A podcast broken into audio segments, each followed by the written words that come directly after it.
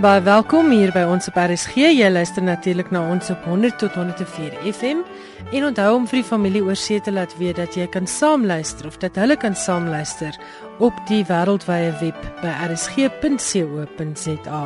Dis Woensdag aand, die 30ste Julie. Ek is Elsje Salzwetel en jy luister natuurlik nou na skrywers en boeke. In finansie program gesels Suzette Kotse Meiburg met die digter Dani Maree. Hulle gesels oor sy nuwe bundel Solank verlange die sweep swaai, maar eintlik gesels hulle ook oor so baie aspekte van die digkuns en van 'n digter se verantwoordelikheid teenoor die wêreld dat ek graag almal wat dig wil aanmoedig om saam te luister.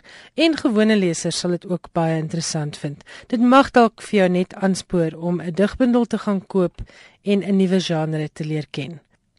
Maar eers 'n bietjie nuus oor bekendstellings wat volgende week by die Kunste Kaap plaasvind. Hierdie bekendstellings vorm almal deel van die Kunste Kaap se fees van vroue en medemenslikheid. Die eerste een is Forgiveness deur Emeritus Aartsbiskop Dr Desmond Tutu en sy dogter Dominee Mpo Tutu. Dit word gehou op Saterdagoggend 9 Augustus van 11 tot 12 in die Marmerfoyer by die Kunste Kaap. Dit is gratis soos al hierdie bekendstellings en die pa en dogter span gaan self daar wees om oor onder meer die vier stappe in die vergifnisproses te praat. Dan is daar ook 'n herbekendstel van Saida Esop se wonderlike boek Karoo Kombuis. Die boek is reeds in 2012 uitgegee deur Covertree en het sedertdien die internasionale Gourmand World Cookbook Award gewen vir beste kulinaire geskiedenis. Kom luister saam wanneer hierdie boek volgende donderdag aan 7 Augustus bekend gestel word of herbekend gestel word dan nou in die Kunste Kaap. Dit vind plaas om 7 uur. Ook in die Kunste Kaap Die digter, romansier en politieke aktivis Jimmy Matthews se boek Age is a Beautiful Phase se tweede druk word by hierdie geleentheid bekend gestel. Wat dit baie spesiaal maak is dat Melanie Scholes wat in 2010 Standard Bank se jong kunstenaar vir jazz was, van Matthews se gedigte getoonset het en opgeneem het op die album Freedom's Child. Hierdie geleentheid wat ook gratis is, word op Saterdagmiddag om 3:00 in die Kunste Kaap aangebied. Nou luister ons eers na Suzette Kotse Meiburg en die digter Dani Maree en hulle praat oor Dani se jongste digbundel Solank verlange die sweep swaai. Lekker luister. Dani baie welkom by ons in die ateljee vandag. Dit is lekker om jou hier te hê oor jou nuwe bundel Solank verlange die sweep swaai. Dit is so 'n tongknoper van 'n titel. Ja, wie ek dink baie keer is snaaks, daar sekerre Duitse frases wat baie keer nog bietjie by my spook en en, en in Duits sê jy, jy weet wie swaai die sweep, wer swink die peitsche. Ja. En uh in in Afrikaans baie mense het my gevra hoekom is dit nie so lank verlange die sweep klap nie, maar ek hou eintlik van daai gestolde oomblik. Jy weet terwyl die sweep nog swaai voor hy klap en en natuurlik die alliterasie. Ja, ja, en daar's ook 'n groot verskil dink ek tussen swaai en klap. Ja, baie ja, groot ja. verskil. Dis hy. Maar luister, ek voel 'n mens kan nie met 'n digter behoorlik gesels voordat 'n mens nie sy gedig ten minste een gehoor het nie. So lees asseblief vir ons daardie as jy wil. Die een waar die titel kom. Ja. As jy wil. Solank verlange die sweep swaai, sal begeerte blind dikteer. Sal liefde die laksman speel. Maar vir jou koutjies, het ek net so per ongeluk in die middel eintlik van 'n ander koue blou oorlog lief gekry. Ek het te lank gelowig die oseaan geploeg, te lank brood gesaai, koppig piesangs probeer plant in die Groot Karoo. By jou soek ek nie meer paaseiers of groot skelmwoorde soos redding of vervulling nie. Jou laatnag pepermenttee is genoeg, dankie. Jou glimlag vergewe voldoende. Daar's 'n gul gaping tussen jou voortande wat ek wil vat. Jou soene proe na die helder bergwater van die Heksvallei na kleintyd op my oom Nico se plaas. Jy praat so reguit soos die N1 tussen Lensburg en Beaufort. Jy vry so ondubbelsinnig soos honger, warm en dors. By jou verlang ek nie, nie na New York in die 70s of 'n ander elders nie. Jou sagbrein oë het my ondeend oortuig. Daar is niks wat ons nog moet koop, vermag of bely nie. As jy wil, kan ons sommer net onbenullige klein groot mense bly en braai op jou sagte ou naam op beige bank op die stoep sit en wyn drink tot die dood ons skei 'n kind roep of die telefoon lui. Pragtige gedig. As ek dit reg het, net een van twee wat jy werklik liefdesgedigte kan noem in jou bundel, nê? Nee. Ja, ek is nou ligtig vir liefdesgedigte, jy weet, uh, ja, ek ligtig vir die liefde in geheel. Ja, die die Hoe kom ek baie van die gedig hou as ek voel daarom tog na al die gespartel en geworstel is baie naby aan die einde van die bundel het ek daarom tog 'n stukkie lig gesien net ook jy weet ek dink regtig waar as ek terugkyk ek, ek bedoel is ek nie sinies nie. Ek is maar net 'n teleurgestelde romantikus en ek dink regtig waar ek het te veel verwag van die liefde. En miskien Ek weet nie, dalk is dit 'n algemene probleem in my generasie. Jy weet, uh, ons is op baie maniere teleurgestel deur 'n groot klomp modelle wat in tye gestort het basies net toe ons volwassenheid bereik ja. het en toe het ons ons gestort in uh, in die liefde en en en die romantiek of ek in elk geval en party van ons het baie bedroe daarvan afgekom en nou, nou dink ek aan mens kan nie eintlik die liefde regtig soveel skuld gee nie. Ek dink ons verwagtinge in die weste oor oor die huwelik en die liefde is regtig vaar opgeblaas. Ek kan nie meer met jou saamstem nie wat ek as vrou altyd oplet is hierdie die verwagting oor die troudag en dan bewe ek want ek dink net jy weet met hierdie verwagting wat geskep is eh, kan die realiteit ja. gaan swakker wees maar hierdie gedig van jou is vir my 'n bietjie soos Opperman se tweede huwelik mm. na jou wat nie vergeet het kom mm. ek wat jou verlaat het dit het daai rypheid van uh, die liefde wat nugter is mm. juis oor die daar voorheen soveel illusies ja. was maar Nou wil ek jou vra, hoe moeilik is dit om 'n gedig te skryf? Of moet ek eerder vra, hoe moeilik is dit om 'n goeie gedig te skryf? Yes, ek dink dit is dit kom baie op die gedig aan. Ek dink ek dink dit is ooit heeltemal maklik nie. Ehm um, dis baie selde dat dat iets net so half uh uitglip, jy weet, uh, soos 'n net amper soos 'n gefonde gedig of so en dit dit gebeur nie. Ehm um, ek dink baie keer John Irving het eers gesê in sy boeke lank voor hy die roman geskryf het, hy geweet daar sekere emosionele draaipunte wat soort van wat wat soort so skarniere is. Uh, sekere tonele wat van kardinale belang is om dit te maak werk. So ek dink ek het dikwels daai gevoel in 'n in 'n poesie wat die wat soort van die hart van die saak is of die klippie in my skoen ja. waarom dit gaan draai. Maar om om om Ja, om om by daai oomblik uit te kom. Ja. Dink ek is baie moeilik en ek dink my soort van narratiewe verse ehm um, is nie uh, jy weet hulle word nie so aan mekaar gesit dat elke reeltjie perfek gepunt en geplet is nie. Dit is ook nie die is so groot opeenstapeling van beelde so Cinema Breitenberg nie. Dis dikwels 'n storieetjie wat 'n ja. soort van raamwerk skep waar binne iets regtig waar ehm um, kan resoneer of of of weerklank vind. So om om dit reg te kry is is dan soort van die truc. Ja, want ehm um, jy skryf die tipe van praatvers of vrye vers wat bedrieglik eenvoudig is en wat ek dink in Afrikaans eintlik regtig eers begin het met Ingrid Jonker. Mm. En ek onthou op skool ehm um, het onderwyseres van ons die daai kort gediggie van haar gelees van moenie slaap nie kyk ja. agter die gordyne begin die dag dans met 'n pouvier in sy hoed mm. En sy maak die gedigteboek sy toe en sy sê ag ek kon dit ook geskryf het en ek sê vir haar maar maar sou jy regtig kon mm. en weet jy toe moet sy sê nee want dit is die hele ding van dis bedrieglik eenvoudig mm. daar die uh, dit lyk of dit so maklik is en en daaraan verwonder ek my altyd dat ehm um, van hierdie gedigte van jou ehm um, byvoorbeeld die een van uh, waar jy terug is in Woodstock mm. en Nontwe en julle stories bymekaar uh hoeveel jy eintlik dis eintlik 'n hele kort verhaal mm -hmm. um, wat afspeel net in die verloop van 'n wel 'n wel 'n lang gedig.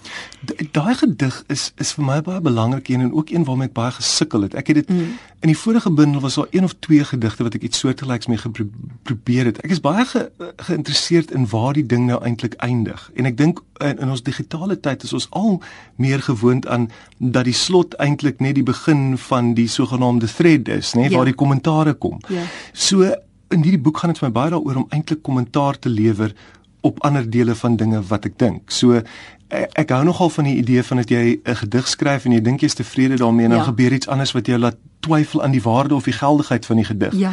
En en ek dink hoekom jy weet hoekom nie albei kombineer nie. Ja. Ek, ek ek hou van hierdie idee dat hulle terugpraat met mekaar. Dit amper 'n bietjie postmodernisties, jy weet die digter uh, lewer binne in sy eie gedig kommentaar op sy ja, sy eie gedig. Of of die reaksie op gedigte, dit is tog 'n hele dit het tog eintlik 'n ripple effek. Ek weet nie of dit altyd werk nie, maar ek dink dit is die moeite werd om dit om dit te probeer. Ek vind dit baie interessant hoe mense een ding kan bely en ander goeders doen en dikwels weerspreek hulle dade eintlik dit wat hulle wat hulle sê hulle glo of wat vir hulle heilig is of nie. En en ek dink baie keer is dit met digters en skrywers se werk ook 'n bietjie so. Daar's een ding waarin hulle glo, maar die werk of die gedagtes het eintlik sy eie plan. Ek probeer om bewus te wees hiervan en en sekere van die soort van filosofiese idees ja. te laat praat met die baie banale werklikhede ja. wat baie keer 'n vraagteken plaas agter die groot gedagtes, jy weet oor en weer. Wat ek ook in jou werk sien is hoe uitstekend jy gaan van die spesifieke na die universele toe.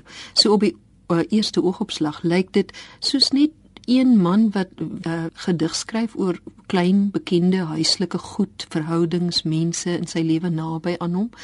Maar daai gedigte gaan altyd uh, resoneer dit verder.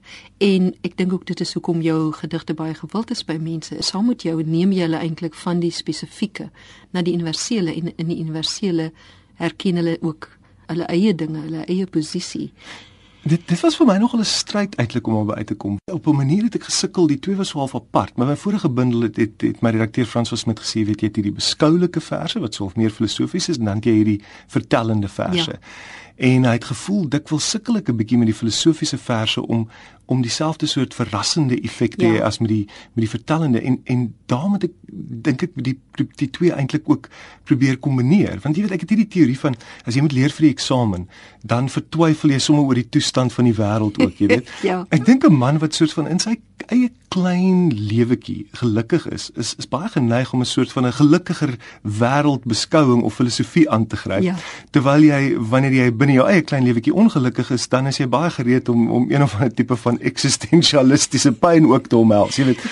so ek het probeer om die twee so 'n bietjie met mekaar te laat gesels. Ja, en dit is mos daarom nou so, jy weet dat 'n gelukkige lewe is nou nie die beste materiaal vir goeie kuns nie, nê? Dit is nou 'n ou beskouing en ons het die digter wat moet vroeg mm. En die digter wat 'n obsessie het en die digter wat hom vergryp. So waaraan vergryp jy jou? O, ek vergryp nou al jare lank aan musiek. Dit is 'n ding wat van my baie vroeë tiener dae afkom. Ek nou die dag weer gedink oor woorde van Nick Hornby. Hy skryf in 31 songs. Hy sê ons gaan nie saamstem oor musiek nie, maar ek hoop jy sien ook gesigte in die vuur. Mm. En dit is hoe dit is om musiek te luister. Ek kyk in die vuur. Jy weet, ek dink ek dink jy gaan nooit ooit genoeg in die kaggelvuur of in die in die braaivleisvuur kan staar in hierdie lewe nie. En dit doen ek definitief met oorgawe. Ek voel baie ambivalent oor hierdie ding van of 'n mens nou moet ongelukkig wees om om te skryf of nie. Jy weet ek ek weier om te glo dat ek myself sal saboteer net om iets te oor te skryf want ek dink dit is so belangrik om te skryf nie. Jy weet ek ja. ek dink nie mens kan die die soektog na geluk um regtig waar transcendeer nie of of troef deur jou ek ek weet nie dit dit wil ek nie glo nie. Gepraat van eerlikheid in skryfwerk. Jy's bekend daarvoor dat jy rou en op die man af eerlik skryf. En ek het al geleer met redigering dat is eerlikheid by 'n skrywer, enige skrywer is ontsettend belangrik, want 'n mens sien en jy voel eintlik ook as die skrywer eerlik is. En jy voel ook as die skrywer nie eerlik is nie. Mm. As die skrywer wil wegsteek. Daarom is my ondervinding met skryfwerk is dit is maar die beste om eerlik te wees. Mm. Nou jy het nie 'n probleem daarmee nie. Jy is regtig eerlik in jou gedigte. Maar aan die ander kant staan daar nou die blootstelling. Jy weet mm. almal die hele wêreld daar buite kan jou gedigte lees. Hoe werk jy daai ding uit?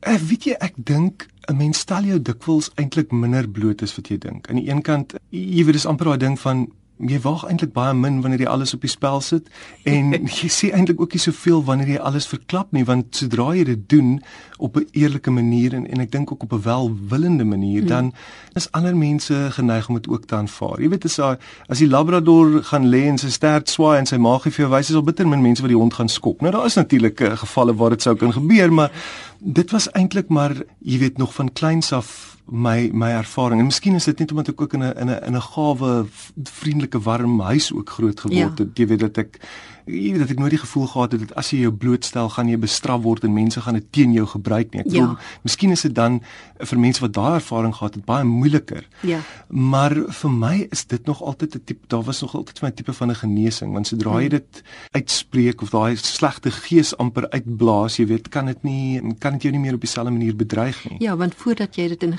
gedig vir die wêreld kan sê, moet jy dit eers binne vir jouself kan sê nie. Presies. En en jy weet mense projekteer ook so in my in my Ja. tweede bundel was al gedig oor my pa en ek vra dit eers vir hom of dit oukei okay is, jy weet, Mhm. as ek hierdie publiseer. En hy sê eers nee, dit het hom half ongemaklik laat voel, maar toe besef ag almal gaan maar net aan hulle eie pa dink Ja. en nie aan hom spesifiek nie. Jy weet, Ja. dit is eintlik hoe dit is. Ja.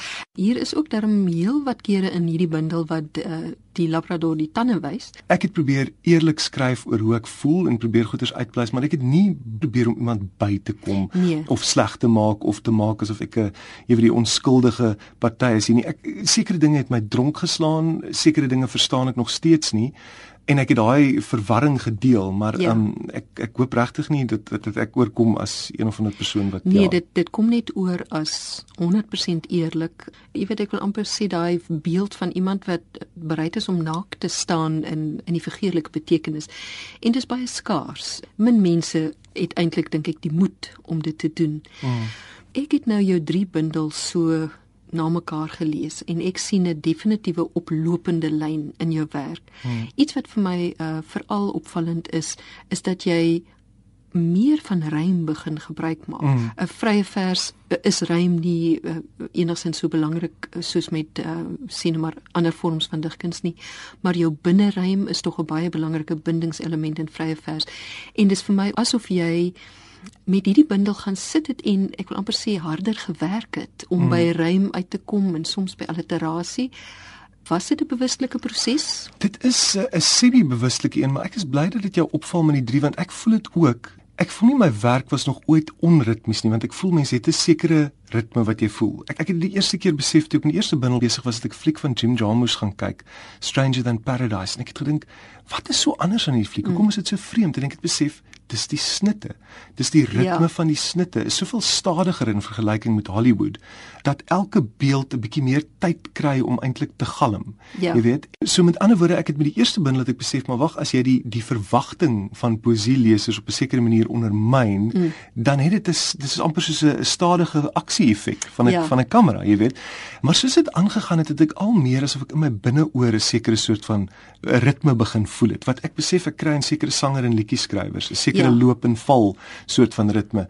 By die eerste boek het ek ook baie meer eintlik nog teen Gert Floknel se invloed gestoei. Dis snaaks, mm. ek ek het sekere verse geskryf wat ek Gert Floknel so duidelik kon hoor dat ek gevoel het, jy weet, ek moet eerder daarteen inskryf, eerder Ja. ja. aritmies werk as om na hom te klink. Omdat jy op 'n manier bang was dat dat uh, jy soveel geïdentifiseer het met sy werk dat dit Ja. dat jy hom onbewustelik naskryf. Dis die ding en, en ek was by die eerste bundel ook vreeslik onder die invloed van Raymond Carver wat ek dink baie 'n baie radikale vorm van ek wil nie eintlik sê dis prosa poesie nie want want prosa poesie is slegs dit wat my betref wanneer jy die reëls weggooi. Ja. En dit is ook iewers die dan die teksboek definisie daarvan. Maar wat iemand wat wat baie min begaan was oor oor eintlik binneryme of enige tradisionele vorm van metrum. Ja. En daar's iets in daai in daai vrystelling wat jou die mag van enjambement en Ja. en die reëlbreuke laat ontdek. Jy luister na skrywers en boeke, maar ek dink dit is nou eers tyd vir 'n musikale verposingkie en aangesien Gert Floknel nou ter sprake gekom het in die bespreking tussen Suzette Kotse Meiburg en Dani Maree, kom ons luister na Gert Floknel met Beautiful in Beaufort Wes.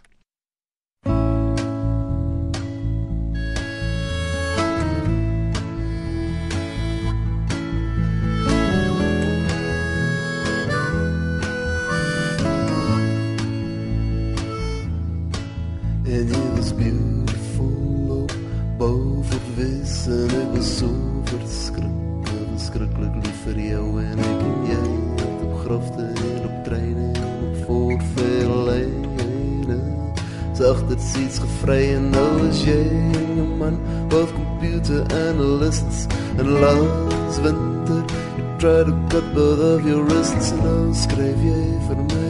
Ek kan nie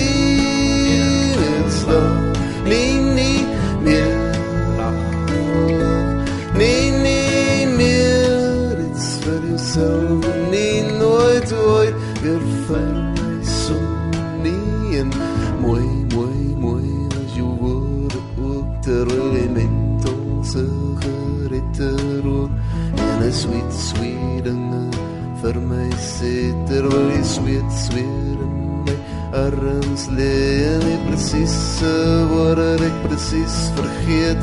Ek onthou net die rook en die sweet en bou voor wes in jou kale gem onder 'n koel.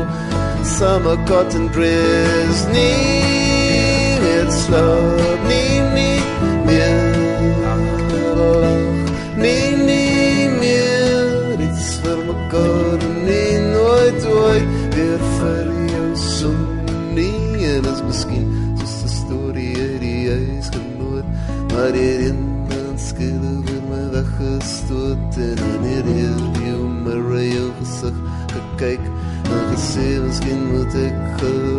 gelukkiger lyk en daar ja met nie en slaap nie en het gevoel om my hart Los dit my lyf is soos 'n rooi boot al in die rivier afdryf. Ek kon nie meer slaap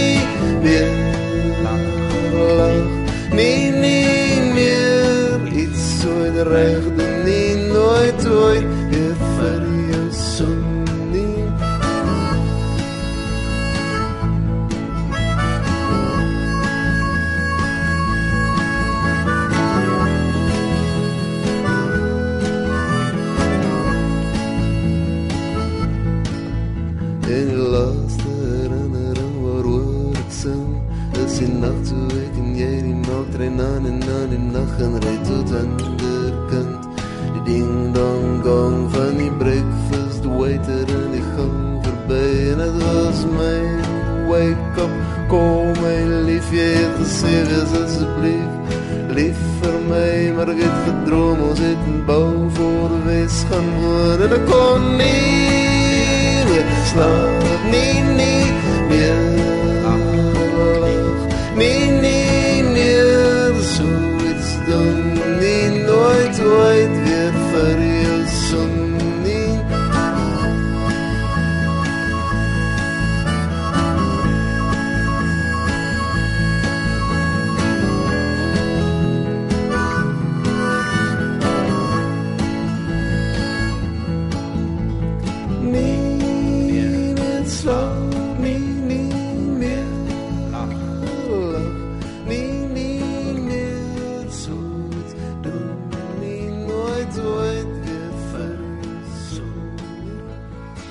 klink Gert Vloknel, dit was natuurlik Beautiful in Beaufort Wes, een van my groot gunstelinge.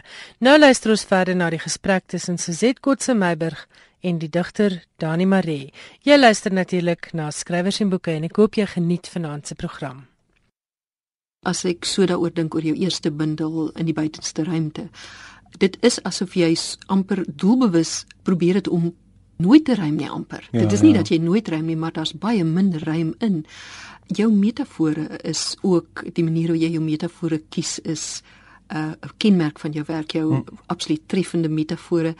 En vir my en van gedigte lees is een van die lekkerste goed is die manier hoe 'n digter of 'n skrywer toevoeg aan 'n mens se eie ek wil amper sê jou eie binnetaal of mm. of jou jou skat van uitdrukkings. Jy weet, daar's sekere goed wat 'n mens daarna uh, soveel keer dan as ek nou my kat sien sit en um, lek op die bank se gaan d- ek dink aan jou woord 'n uh, pelstoring. Ja, ja. En ook daai wrangheid wat so raak is soos um, die vrou wat op die spykerbed lê en goeie boeke lees. Mm.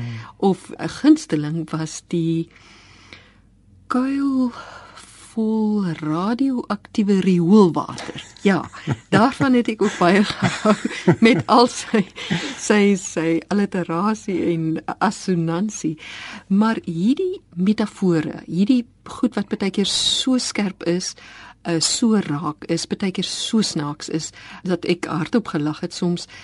Waar kry jy hulle? Moet jy daai metafore uitdink of val hulle baie keer by jou in? Die metafore is die goed wat inval en dit is vir my baie belangrik. Ek het jy weet dit lankal die saak van my uitgemaak. Owen Barfield het ergens in ek dink in die jaar 1903 of iets het hy gesê um poetry is a is a felt change of consciousness 'n verruiming van die bewussyn Ja. en ek dink as as poesie dit doen dan gee ek nie om of dit baie mooi rym en of dit netjies afgewerk is of nie jy weet dis waarna ek soek wanneer ek self poesie lees um Maar uh, jy weet Wislas om uh, Lavasomborska het gesê sy hy geen waarde aan die biografie van digters nie, want niemand weet waar poesie regtig vandaan kom nie. Ja. Sy sê dis nonsens dat mense, jy weet, 'n slegte lewe moet hê. Ek bedoel Wallace Stevens het sy hele lewe lank by die versekeringsmaatskappy gewerk en net op Sondag gedigte geskryf en hy het net hierdie hierdie beelde opgetower Ja. wat absoluut met jou jou kop smokkel en so ek sê daai daai bewussyn van jou verruim. Metafore fascineer my omdat in ons poesie is daar baie lank tradisie van 'n soort van 'n vernufspoesie, 'n mm -hmm. uh, woordspel, fyn afgewerkte goed, maar 'n metafoor is 'n soort van die rou toordery van taal. Daar's 'n Ja. taalfilosoof wat praat van jy weet dit is language dreaming. Dit is wanneer Ja. die taal begin droom. En Tony Hoagland skryf baie mooi, dis amper asof jy vir jou kop sê, okay, gaan haal 'n metafoor. Mm. Jou kop steek 'n hand onder 'n doek in 'n in 'n hoed en haal een of ander haas uit die hoed, maar jy weet nie presies wat die hand gedoen het nie. Die kop weet dit nie. So Ja. so daar's 'n- daar's iets onbewus daaraan. En wanneer daai verbinding maak en en daar begin bloed vloei tussen die twee beelde, dan het iets gebeur. Jy Ja. weet dis soos wanneer Bruiten sê die hart is 'n winterdier, mm. dan dink jy weer oor die hart, jy dink weer oor diere, jy dink weer oor winter. Dit verander potensieel die betekenis van albei kante van die gelykstelling, jy ja, weet. en ook sommer van 'n klompie goed rondom dit ook. Ja. Maar kom ons gaan terug na jou musiek, jou liefde vir musiek. Jy het ook by die bekendstelling gesê dat jy 'n baie groot country musiek aanhanger is Ja. en 'n vergelyking getref tussen jou werk en country musiek. Wie ek dink as jy nou praat van uitgewerkte metafore, is daar vir my nou kwaliek so 'n goeie metafoor vir die lewe of my ervaring daarvan as 'n goeie country song. Jy weet, ek dink daar's dis eintlik twee sentrale beelde in hierdie bundel. Is die een het ek besef en dit dit kry eintlik in die openingsgedig maar Leonard Cohen sê eers in a thousand kisses deep sê hy jy weet you you win a while and then it's done your little winning streak. You lose your grip and then you slip into the masterpiece.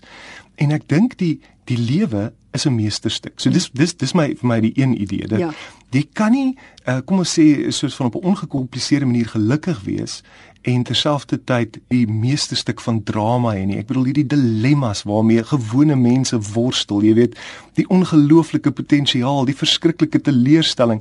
En soos ek sê, jy, weet, dis waar dis waar Madame Bovary en het van verlange kraal en verspeelde lentes. Ek bedoel dit gebeur eenvoudig net by uitstek op hierdie aarde tussen mense. Ja. En uh die country song is vir my 'n spesifieke rou weergawe van van daardie meesterstuk. In 'n country liedjie moet jy 'n bietjie um flikkers gooi na sentimentaliteit. Jy weet, jy moet eintlik op die, meer as net 'n bietjie. jy moet op die rand van sentimentaliteit beweeg, maar aan die ander kant is sentimentaliteit 'n baie geldige emosie. Jy weet, dis Ja. ja. wat ons almal verstaan. So ons kan nie ek voel so of jy weet, ons wil baie emosioneel korrek wees mm. en sê sentimentaliteit en selfbejammering is nie goed in literêre werk nie, maar die feit van die saak is dit is dit is goed wat, wat ons tuister. So mense moet tog op 'n manier daaroor probeer skryf eh, en tog jouself relativeer. Jy jy weet die ding is die country song op 'n manier gaan ook terug na die volksliedjie toe. En dit is mm. maar baie interessant hoe mense soos van Wyk Lou en en Bob Dylan en so aan teruggegaan het na hierdie ou rympies en hierdie hierdie jy weet hierdie ou vorms van vertel en so Ja. aan want dit was tog ook maar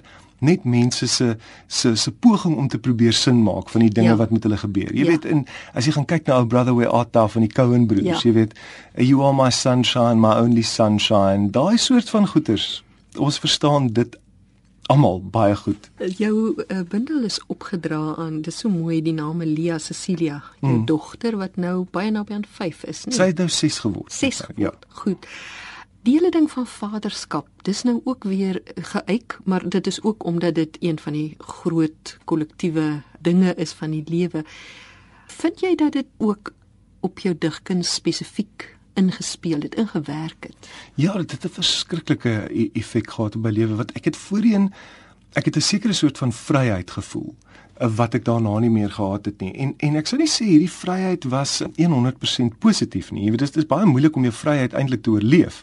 Want Chris Christofferson freedom is just another word for nothing left to lose. Ja, en ons het 'n heel paar oordosisse om om daai te bewys. Presies, maar nou as jy skielik met 'n kind sit, dan het jy 'n gevoel vir verantwoordelikheid Ja. en uh, jy word teruggeruk na die hede. Jy jy word so of dink ek partykeer sonder 'n kind word jy uh, sonder dat jy dit agterkom vreeslik terugskouend oor jou lewe, vreeslik nostalgies en nou skielik raak jy opnuut bekommerd oor die mense wat te vinnig ry in die pad. Jy weet jy lees met nuwe ontsteltenis die koerant. Jy moet as ware vorentoe begin dink Ja. want hierdie kind moet moet nou nog dat hierdie wêreld wat jy sien aan vorm aanneem nog binne gaan. Presies, jy weet en ek het um, daar was allerlei uh, aanhalings waarvoor ek waar volgens ek kon leef voor die tyd. Jy weet Clint Eastwood in The Unforgiven gesê we've all got it coming kid.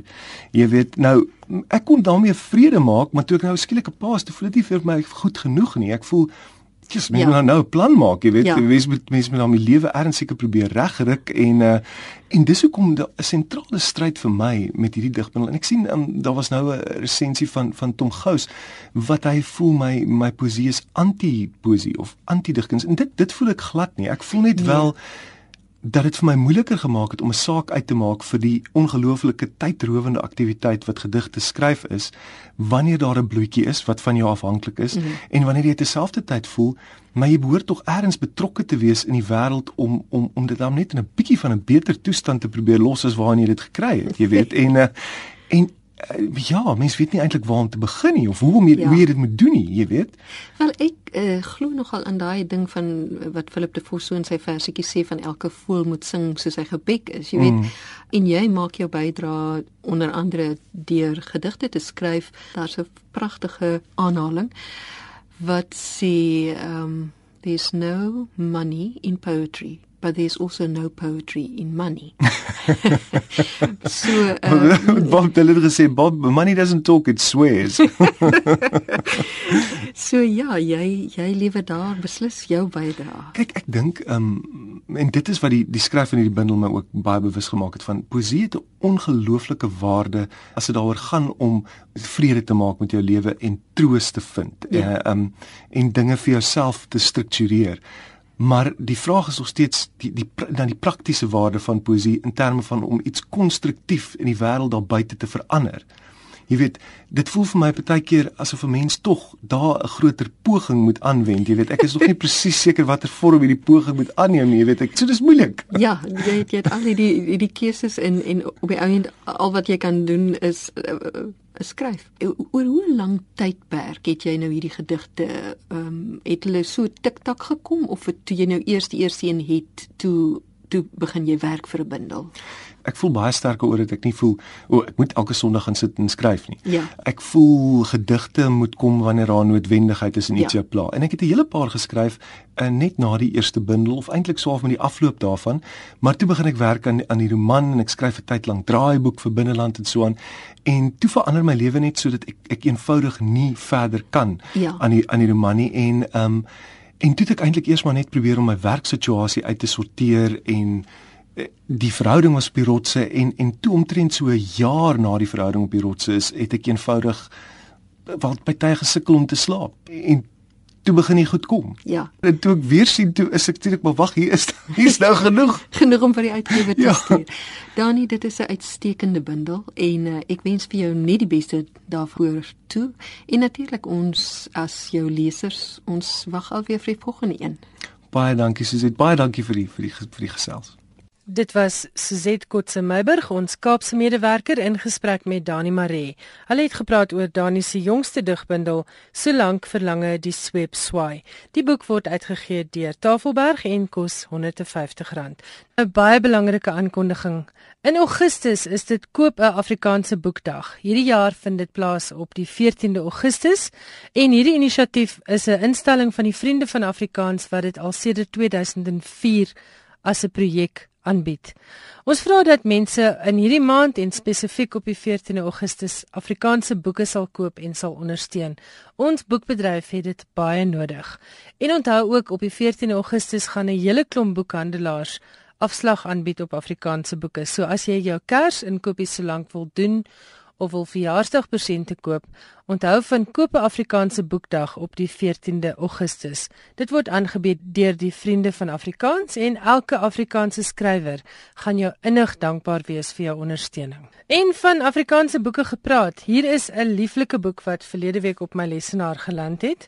Dit is 'n samestelling van die mooiste reisstories uit die tydskrif Mooi Loop. Nou Mooi Loop is weliswaar al gesluit. Die tydskrif was onder redaksie van Gerrit Rautenbach. Maar Mooiloop se reisverhale het oorgebly en Gerrit het 'n bundel saamgestel van die mooiste reisstories wat in Mooiloop verskyn het. Van die groot name wat bygedra het tot hierdie bundel is Andre P Brink, Chris Barnard, Dolf van die Kerk, Eben Venter, Henny Oukamp, Johan Bakkes en Rihanna Skeepers en dan nog 'n hele klompie ander. Ek lees sommer net so 'n stukkie uit Chris Barnard se See van drome. Die see is 'n vrou. Dit het ek geweet die heel eerste dag toe ek haar ontmoet het. Al het ek toe 'n blote snuiter synde nog nie mooi verstaan hoekom nie. Ons word almal met flentertjies oerkennis gebore. Daarom weet jy soms iets wat jy eers baie later kan verduidelik, al is dit hoestamelend en onsamehangend. Die see beweeg soos 'n vrou. Sy het net soveel geheime soos 'n vrou.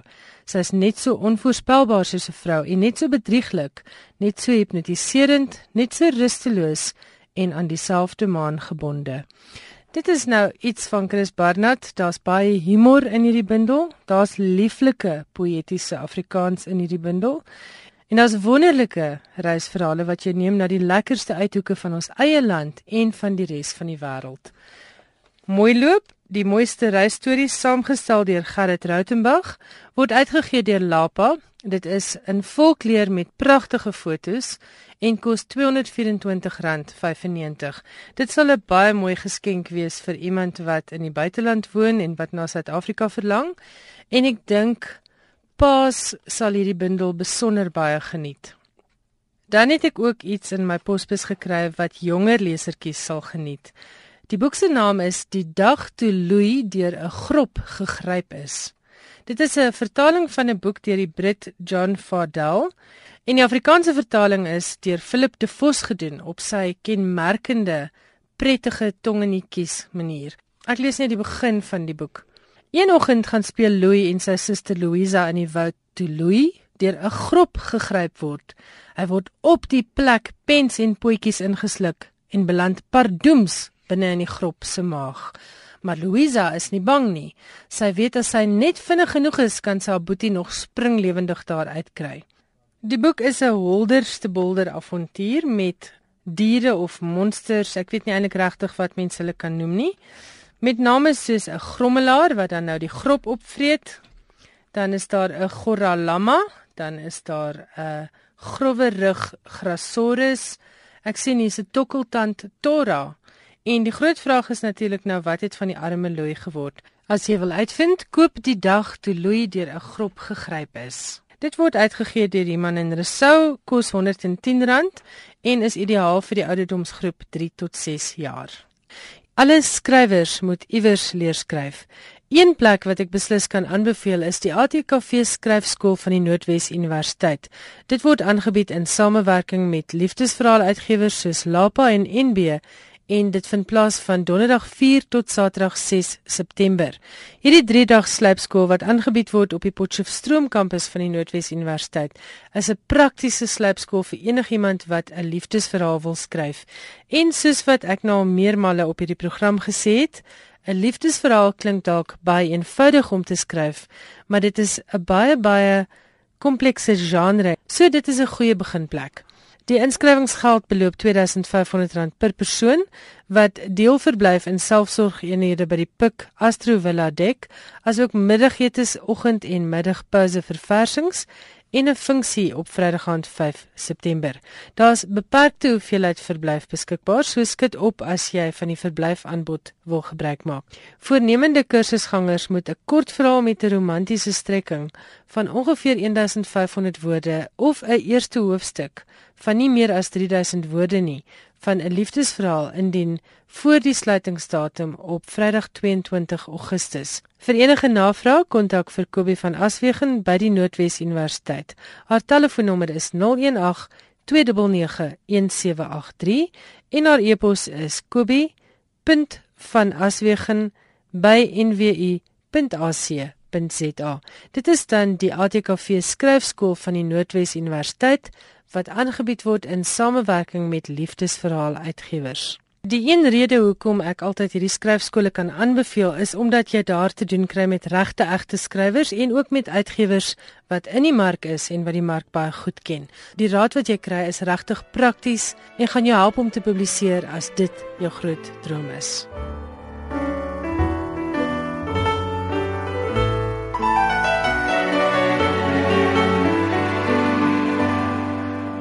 By my in die ateljee is Kobus Burger, ons uitvoerende regisseur drama hier by RSG. Kobus vertel vir ons vanaand ietsie meer oor die boek Katrein deur Jan Huyshamen wat eersdaags te hoor gaan wees as 40 episodes hier op RSG. Kobus vertel vir ons net 'n bietjie meer oor hierdie besluit om van hierdie boek 'n reeks te maak. Ja, Ilse gewoonlik sal 'n mens byvoorbeeld nou 'n boek soos Katrein as 'n boekvoorlesing aanpak, maar dit is 'n verhaal wat baie mense aangegryp het en een van die mense wat die boek verskriklik geniet het, is die akteur Johan Botha, Johan en Lida Botha wat daar in Laipold wil in die Wes-Kaap woon. So Johan Botha het gegaan en hy het toe die hele boek verwerk as 'n reeks van 40 episodes. Jan Huysamen uh, leef nou nie meer nie, maar ons het met sy seun uh, kennis gemaak, Johan Huysamen, wat vir ons ook die oorspronklike manuskrip gegee het. Toe Johan Botha gegaan en daaruit het hy toe 'n hele verhaal geskep wat radiomatig is wat ons op radio kan uitsaai met June van Merch wat dan die rol van Katrein Jonas gaan speel. En heelwat bietjie van die voorgeskiedenis van die Namas want is 'n baie sterk Nama verhaal dit speel in Namakwa-land af. Bietjie van daai voorgeskiedenis en ander uh, agtergrondinligting wat in die oorspronklike manuskrip was in die verhaal gesit. En ons het nou 'n baie spesiale reeks dan meer eintlik 'n drama reeks as 'n vervolgverhaal, bietjie meer in die rigting van drama of radio radioteater wat ons dan weekdae vanaf Vrydag 8 Augustus kwart voor 3 op RSG gaan uitsaai. Dit klink wonderlik veral as jy sê dis eintlik elke dag 'n mini opvoering. 'n Mini drama, ja, elke dag. Vertel net gou die verhaal van Katrein dat luisteraars net kan weet waarna om uit te sien. Katrein Jonas staan in die Kaapse Hooggeregshof reg op die aanklag van moord en hulle klaar aan dat sy haar buurman Abraham Klink se seun vermoor het en hy soek haar aardsvyand en dan besluit sy as sy in die hof is dat sy gaan nie 'n advokaat of 'n regsgeleerde gebruik nie, sy gaan haarself verteenwoordig. So 'n groot deel van die boek of in die roman speel dan in die hof af en alles waardeur Katrein gaan en die feit dat sy het nie sy's 'n gewone vrou, 'n aardse vrou daar van Namakwa-land wat nie kennis het van die reg of die regstelsel nie en sy verteenwoordig haarself. En dan een van die subtemas of neuwe temas is diamantsmokkelary, so dit hang handel nou natuurlik oor diamante en al die die, die aktiwiteite rondom diamante daar in die Noord-Kaap in Namakwa-land. Dit speel rondom Groot Derm af en dis pragtige taal gebruik. En uh, Suzette Kutse Meiburg was die redakteur van die boek. Sy kom uit Namakwaland uit so sy het baie navorsing gedoen oor die taal en die taalgebruik en agter in die boek is dan ook 'n kort woordelys vir van die woorde wat nou baie spesifiek uh, die nama woorde of nama taal gebruik is. So ek voel ek dis 'n spesiale storie of 'n spesiale drama reeks omdat dit daai taal gebruik en daai kultuur en gewoontes van die namas wys en baie mooi uitbeeld. Ek sien agter in die boek het oorlede Jan Huysamen se seun Johannes dan ook in 'n huldeblyk aan sy pa geskryf oor die mooi name van die karakters. Name soos Jan Stilsit, Piet Bok, Jan Watersyp, Jonas Tities, Oom Pensie en die soort name is name waarmee Johan vertel hulle groot geword het uit sy pa se stories. So ek neem aan mense kan dan nou in die boek en in die vervolgverhaal dieselfde soort interessante streeksname en streeksbeskrywings vir mense verwag. Absoluut en dit is ook baie geskiedkundig akkuraat. Dis baie goed nagevors. So die geskiedenis van daai daai deel van Suid-Afrika is baie goed uitgebeeld. En dan ook byvoorbeeld een van die ander temas daarin is dat Katrein het 'n gawe. Sy kan mense opbid. So sy kan byvoorbeeld as 'n kind siek is of as iemand besig is om dood te gaan, kan sy gaan en sy kan bid vir daai kind en dan bid sy hulle gesond. So dis ook half 'n uh, uh, interessante verskynsel wat baie mooi in die boek beskryf word en wat dan nou ook deel vorm van die verhaal. En hoekom hierdie boek juis nou hierdie tyd van die jaar? Wel, dit is 9 Augustus is Vrouedag en Augustus is eintlik Vroue Maand. Katrein is eintlik 'n ongelooflike sterk en belangrike vroue karakter. Baie mense het gesê dit is sy's 'n heroïese matriarg en um, iemand soos Elias P. Nel het gesê dat sy herinner hom aan Vila van Vila se kind. Uh daar's mense wat sal sê dit herinner baie sterk aan Poppy Nongena. So ek ek voel Katrein al is die boek nie so bekend nie. Ek dink daar's baie mense wat nie kennis geneem het van die boek nie of wat die boek dalk nog nie gelees het of van gehoor het nie, maar dat dit eintlik 'n uh, klassieke werk is omdat dit so 'n ongelooflike sterk vroue karakter is wat so mooi geskryf is en 'n tydlose verhaal. Ek ek dink dat as mense nou die die reeks gaan hoor op RSG, uh, eh, kan hulle gerus die boek ook gaan lees. Dit is pragtig geskryf en is dis 'n boek wat 'n mens baie lank sal bybly en 'n storie wat 'n mens baie lank sal bybly. Kobus sê net weer hoe laat en wanneer begin dit? Dit begin Vrydag 8 Augustus om kwart voor 3, so dis dan uh, net na Loslip. June van Merch is dan in die rol van Katrein en dan is daar ook Marlo Minnar, Ivan Abrams, Teresa Kloete, Chris Magid, Anrich Herbs, Dean Bali, Leon Creer is in die verhaal te hoor en die regisseur is Eben Kruiwagen. Dit was Kobus Burger, ons regisseur drama hier by RSG. En hy het vir ons vertel van Katrin wat eersdaags as 'n reeks hier op RSG uitgesaai gaan word. Dankie Kobus. Dankie. Dit is dan die einde van Finansie Skrywers en Boeke. Ek hoop jy die program saam met my geniet. Stuur gerus 'n e-pos na skrywers en boeke by rsg.co.za. Ons SMS nommer is 3343 en elke SMS kos R1.50. Volgende Woensdag aand is ek Elsje Salzwetel terug weer tussen 8 en 9 met nog 'n uitsending van skrywers en boeke. Bly ingeskakel op RSG vir die res van ons lekker Woensdag aand programme. Goeienaand.